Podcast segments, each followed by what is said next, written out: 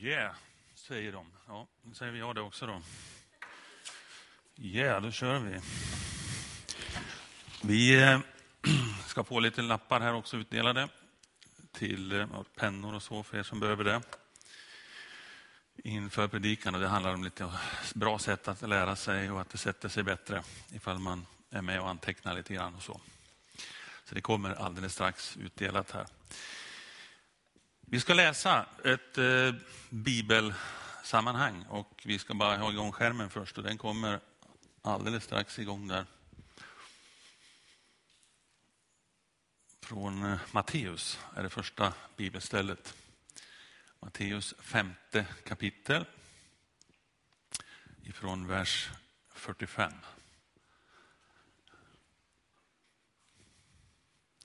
Mår ni bra annars? Är det okej okay? dag idag? Härligt. Titta vad som händer. Här kommer bibelstället. Jag säger er, och det är Jesus ord här. Älska era fiender och be för dem som förföljer er.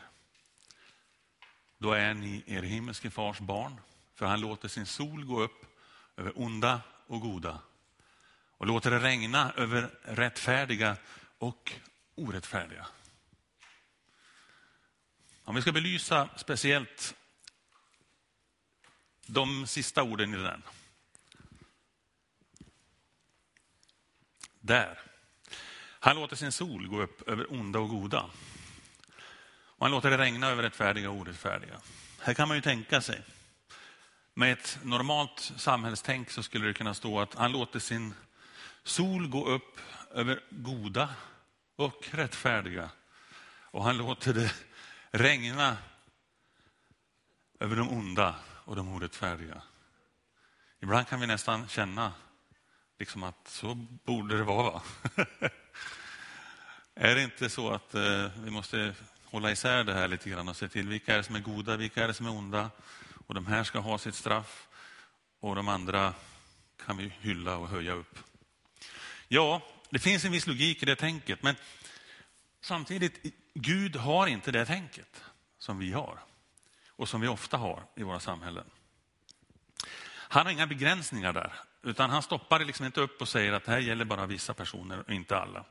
Utan är det rika människor eller fattiga människor, ja, då är vi otroligt bra på den här jorden att skilja på folk och behandla folk olika.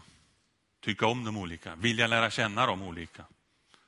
På olika sätt. Många olika sätt. Är de rika och fattiga är inte bara en grej. Det kan vara unga eller gamla man siktar på. Det kan vara så att vi tänker att ja, men eh, buddister och hinduer eh, kan vi kanske inte älska på samma sätt.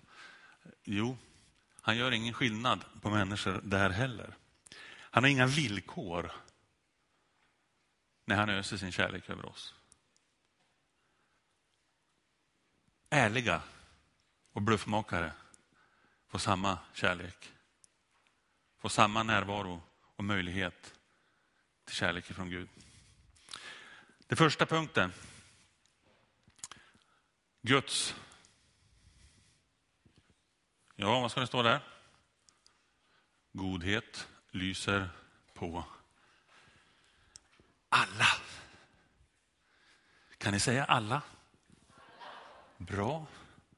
Alla är lätt att stava till och det är lätt att säga. Det är likadant baklänges. Och väldigt enkelt att hålla reda på egentligen. Att Guds godhet lyser på precis alla. Har du någon gång stört dig på det här? Har du någon gång retat upp dig lite grann på att faktiskt Gud älskar alla lika mycket? Därför att det finns folk som du retar dig på själv av olika skäl. Det kan tyckas vara väldigt befogat och ha full orsak till det. Visst, men eh, mm, kanske är någon du tänker på direkt nu. Ja, du behöver inte nej, knacka någon i sidan sådär. Men en allmän tankegång för oss är liksom att du får det du förtjänar och det är bra att det är så. Tittar du på karma-resonemanget eller buddhismen som säger liksom att om du har ramlat i en brunn så får du skylla dig själv. Det är, det är någonting du har gjort som gör att du förtjänar faktiskt att vara där nere. Sorry grabben, jag går vidare. Undrar vad du har gjort? Och en skillnad om vi går över till Jesus, det är att Jesus han skulle gå fram och säga, kan jag hjälpa dig upp ur den här gropen, ur den här brunnen? Och det är en gigantisk skillnad mellan om du radar upp massor av trosläror och, och, och religioner, så kommer du att se att det är han som närmar sig oss. Det är han som kommer för att han älskar oss och för att han vill hjälpa oss upp. Och ibland är livet tufft, så är det. Men en hemlighet till att ta sig igenom tuffare prövningar. Det finns många olika sätt att tänka, olika knep kanske. Men ett sätt det är att fokusera på det goda. Även om du befinner dig kanske i ett mörker. För ett tag sedan, det det, det blev ett år sedan nu, så anlände jag till en stad i Amerika, i, i Florida var det. Och jag visste att det var lite orkansäsong så, där, så att det skulle kunna hända lite saker. Jag kommer fram dit, ska åka till det hus där jag ska bo. Och kommer dit och eh, har ju hört ryktena lite grann. Ja, Hurricane Michael är på gång. Ja, det var ju synd. Jag som just kom hit. Ställer in mina prylar. Det här rummet ska du ha. Okej, okay. in med väskorna där. Jag började inte packa upp dem och det var ju lika bra det. För att där fick jag ju inte bo. För det tog några timmar så kommer det ut en sån här så kallad mandatory evacuation. Alla som bor på det här området måste lämna stället. Ni får inte vara kvar här. Då är det helt på egen risk. Så det är bara att sticka. Så jag fick ju bära väskorna igen och det var ju tur att jag inte packade ur dem. Ut med dem i bilen. Och eh, vi var ett helt gäng på det här stället. Eh, åker därifrån och tänkte vi får ta skydd lite längre in på land. Längre norrut i det här fallet. Då. Så vi åkte upp en bit och där hade vi en av dem som var med oss som hade en släkting som öppnade hemmet. Tack och lov, så vi fick vara där och bo där. Sen dröjde det, ja, jag vet inte hur många timmar, men några timmar dröjde det väl. Sen blev det kolsvart. Alltså den här orkanen han ändrades ju lite grann. Så att han åkte inte riktigt förbi där vi skulle vara utan han siktade om lite grann till dit vi åkte istället. Så det blev lite värre där egentligen. Det hade varit bättre att vara kvar, men det kan man inte veta innan. På natten, då vi visste liksom att nu finns det ingen, ingen ljus här. Ja, vi kan tända stearinljus, självklart. Men det finns inga vanliga lampor, det finns ingen elektronik, det finns ingen eh, ström. Det finns ingen AC, vilket man faktiskt är ganska beroende av när man är på ett väldigt varmt ställe, för annars blir det riktigt hett. Och när natten kommer, och jag hade tyvärr sovit ett par timmar på eftermiddagen på väg in. För det skulle jag ju sparat den tröttheten tänker jag till natten, så jag hade sovit längre på natten. Men nu vaknar jag istället eh, tre typ. Och så är det svart överallt. Och jag vet inte hur jag ska få dig som sitter i detta ljusa rum nu med dessa strålkastare att fatta riktigt känslan av att det är riktigt kolsvart runt omkring dig. Vad du än gör. Nu börjar ni alla tänka på liksom olika, men är du knäpp? Liksom, du har väl en mobil? Du kan väl, eh, eller någonting som du kan... Ja, det är riktigt. Men när du befinner dig på ett ställe där du vet att här har strömmen gått nu, här räknar man inte med att få tillbaka den på några dagar. Här kommer det vara svart. Det är natt. Solen är inte framme. Det hjälper inte om jag liksom reser mig upp här nu och eh, går ut i hallen här utanför. För det är inga lampor där heller. Det är inget ljus som kommer leda mig där heller. Men om jag går vidare ut då, så kan jag liksom gå utomhus eller Nej, jag kommer inte ur mörkret hur jag än gör just nu. Jag kan lugna ner mig lite grann genom att tänka att solen kommer att komma. Jag får lita på Gud. Jag hoppas det, att han lyser upp den här morgonen i alla fall. Och jag hade som sagt en, en mobiltelefon som jag kunde liksom använda lite ficklampa och sånt. Då blir man ju liksom, ställer man ner allting på sparlåga på, så att här batteriet ska räcka så länge som möjligt. Jag kan ju inte gå och ladda det i väggen heller. Ja, men du kan väl ladda det med en billaddare i bilen? Ja, om du har sådana grejer med dig så kan du det. Eh, och om du har bensin i bilen och inte alla mackar har stängt därför att det inte funkar längre. Så det är inte så självklart heller att man klarar sig på sådana saker, utan då gäller det att hushålla med strömmen. Och det jag vill komma till här är att jag har nog aldrig någon gång i mitt liv känt en sån konstig och jobbig tillfällig ångestkänsla över att vara i mörkret. Det spelar ingen roll hur jag gjorde. Liksom. Jag visste ju det. att okay, jag, kan, jag kan dra igång den här, men jag vet ju att om en stund så då bränner jag ju bara batteri och snart är det slut. Okej, okay, spara den. Gå ut. Nej, det blir inget. Och jag gick ju. Och var, eftersom jag hade fyllt upp ett hus där med en massa folk så, så fick man ju liksom i princip känna sig fram över att jag, jag, vet att det var några som skulle ligga här i hallen och sova på golvet. Så jag hitt, lyckas ta mig fram till där jag visste att dörren var ut. Kommer dit ut och så ser jag genom, genom dörren så plötsligt ser jag en ljusstrimma där ute. Och jag, jag börjar bara bubbla inombords. Titta, det, det, lys, det är någonting som lyser där ute. Gode Gud, vad är det som har hänt här ute? Då ser jag där ute att ah, det är ju han. Det är ju, det är ju Freddy som är ute och går med han hade sin mobil där ute och, och var själv ute liksom, mitt i natten. För han upplevde också att det här var inte kul. Men nu hittar vi något gemensamt. Jag hade någon jag kunde dela det här med. Vi kunde dela ljuset lite grann tillsammans. Och jag kommer ut, jag bara, vi bara står där och skrattar ihop. Yes, vad gör vi för någonting? Äh, vi, klockan var fyra nu då kanske på natten. Eh, de andra sov ju bara. Vi tar bilen och så sticker vi ut och kollar hur många träd som har rasat och ser hur mycket grejerna ligger på golvet eller på marken och överallt. Ja, vi åkte ut en sväng och kollade. Men det jag vill säga bara med det här, det är hur, vilken lång story det här blev nu. För att berätta att om man fokuserar på det goda fast det är mörkt runt omkring. Om man kan lyckas göra det, hitta det goda, för det finns goda saker. Det fanns ljus för mig att få tag i. Och det finns goda saker för dig, som att du har mat på dagarna kanske. En säng.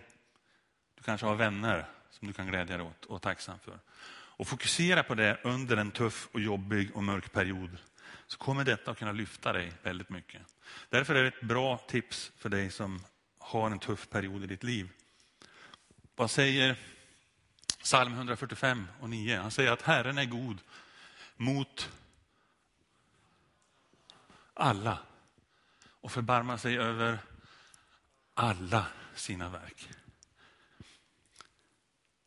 Det gäller att få in det här i skallen på något sätt, att det gäller alla.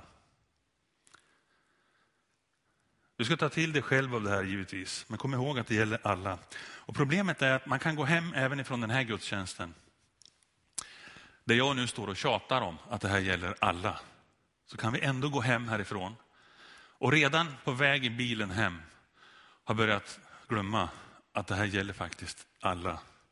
Det kan räcka med att du kommer till en första rondell och du inser att den här stollen framför mig använder inte ens blinkers i rondellen är han helt fullständigt blåst. Lugna ner dig lite grann. Guds kärlek, Guds godhet gäller alla lika mycket. Inte dig något mer. Det spelar ingen roll om du är rättfärdig, orättfärdig. Det kommer att regna och det kommer att vara sol över dig också. Han gör inte skillnad på det sättet. Vad säger Titus 3 och 4? Det står att i den situationen visade Gud, vår frälsare, sin godhet och kärlek. Det är ju uppenbart att han frälste oss, inte därför att vi var tillräckligt goda för att bli frälsta, utan på grund av sin godhet och omsorg om oss. Så om du är tusen gånger bättre än de andra rondellkörarna så är inte det någonting som kommer att göra dig bättre inför Gud. Han älskar dem precis lika mycket som dig och mig. Jag tänker att vi skulle kunna göra ett experiment här idag. Tänk på, tänk på någon som du har väldigt svårt för just nu. Tänk på en person som du har lätt att reta upp dig på. Som, jag skulle inte begära en handuppräckning eller något här, en utpekning. Utan fundera bara över det. Därför att vi är alla människor och vi drabbas av sådana här saker och tänker på olika grejer. Vi är utsatta för det ena och det andra, både på jobb och till vardags. Fundera över den personen i de här olika momenten som vi går igenom. Guds godhet, tänk att den lyser även på honom eller på henne. Nästa. Gud öser sin kärlek på vissa. Tror ni att det var rätt? Ska ni skriva det där på anteckningarna? Nej, det gör vi inte. Bort med den och in med alla.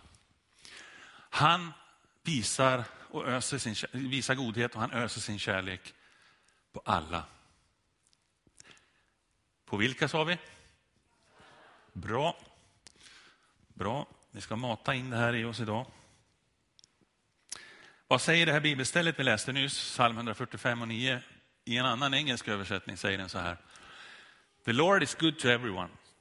He showers compassion on all his creation. He showers compassion. Han duschar kärlek över oss. Och när han gör det så har han inte ett sånt här energisparande duschmunstycke som strilar lite grann från... Har ni, har ni haft sådana någon gång? Eller på något hotell eller något sånt där. Där de har liksom, här ska vi spara in. Och det är väl bra. Det har ju sin fördel. Men det är ju inte härligt när det gäller att Gud skulle göra så med sin kärlek. Han öser den formligen över oss. Och där får vi stå av bara nåd och ta emot. Det finns en likhet mellan vår relation till honom och relationen mellan en förälder och ett barn. Därför att kärleken är ju väldigt speciell mellan en förälder och ett barn. En förälder älskar sina barn normalt sett i alla lägen.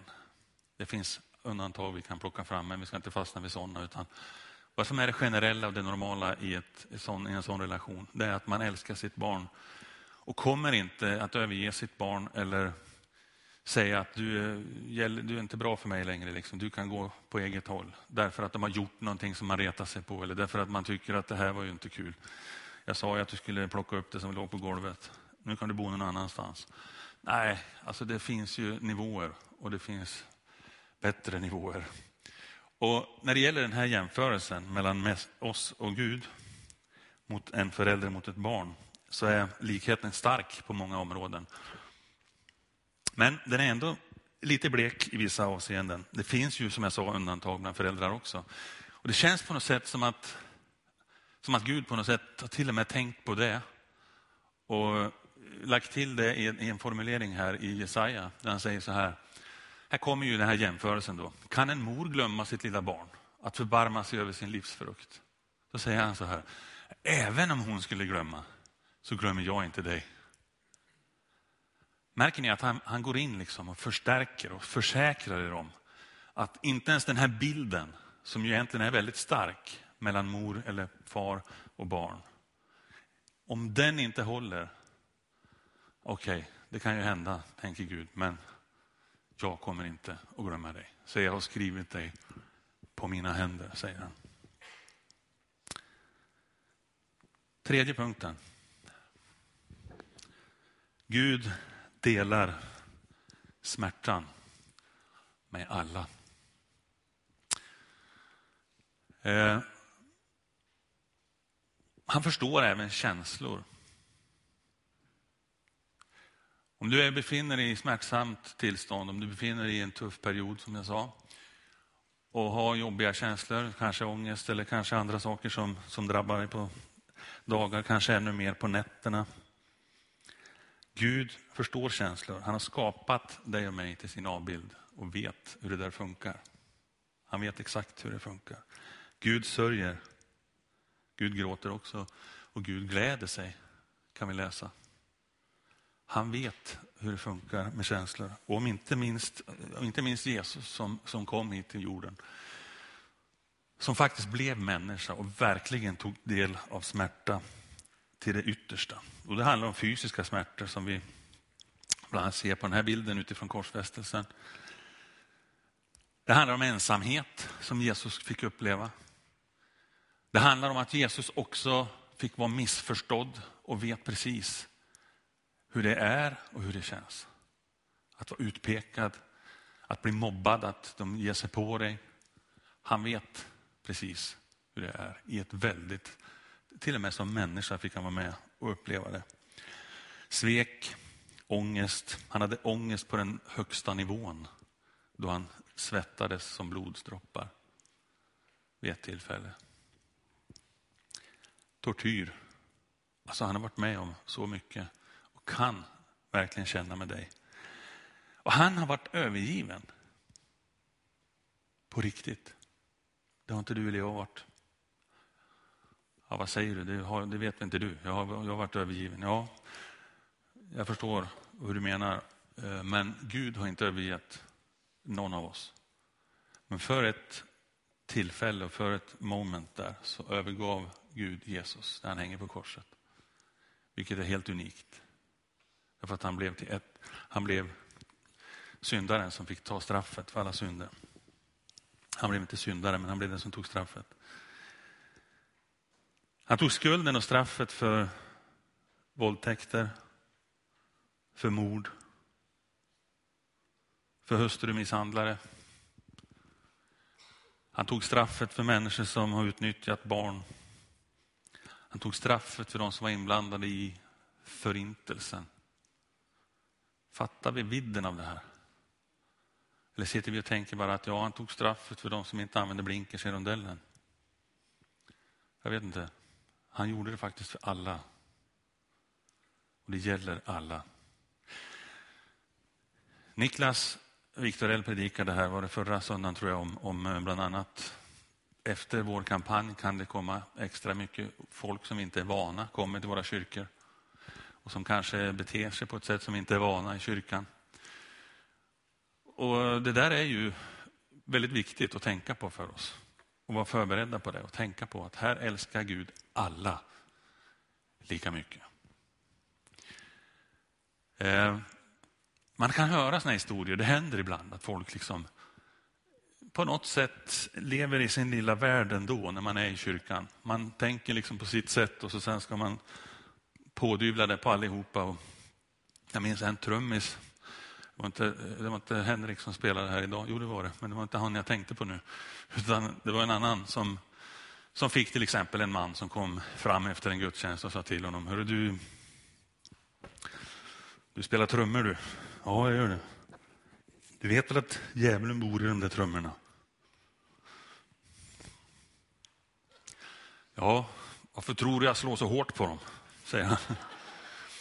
Ja, det kan man fråga sig. Alltså, en attityd av att Jesus faktiskt älskar alla måste få genomsyra oss som församling. Och den måste funka överallt. Det går inte att säga liksom att eh, bara att när det kommer människor till vår kyrka och de sitter på bänkarna. Så, så, nej, det här måste ju funka hemma för dig. Idag, i eftermiddag, och för mig. Och ofta säger man ju när man predikar och verkligen menar det att det här predikar också till mig själv i det här. Och det kan jag lugnt säga att jag gör idag. Jag är ju en av dem som inte gillar det här med rondellerna. Vad tror ni jag får ifrån annars? Jag vet ju att det är ett verkligt problem här i samhället. Det är en stor grej. Nej, det är det inte. Men det, ni fattar vad jag menar. Man, man kan verkligen störa sig på saker och man kan bli irriterad på människor och man kan få för sig att kunna kalla dem för både idiot och annat fast det faktiskt är fullständigt galet att göra det. Det är en människa som är älskad av Gud lika mycket som du är. Säg inte så då. Tänk inte så helst heller, även om det hinner komma där. Alltså vi kan aldrig föreställa oss riktigt vad han tog på sig när han tog straffet och skulden för våra synder. Det är ingen idé att försöka, men ja, försöka kan man för att man ska få lite förståelse på något sätt. Men vi kommer aldrig att nå upp till det och fatta det och vidden av det. För han gjorde det för alla. Vi är där igen. Det är alla. Och tänk bara liksom tio personers synder och felsteg och missar. Vad fruktansvärt mycket att dra på sig. Men här handlar det inte om tio pers. Här handlar det om hela mänskligheten. Helt overkligt tyngd bakom detta.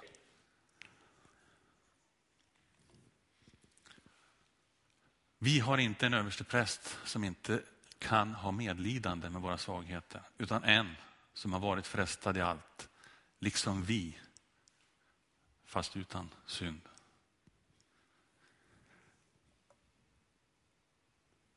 Få in detta idag, försök få in detta idag. Jag ska försöka göra mitt bästa för att få in detta någon gång i min skalle.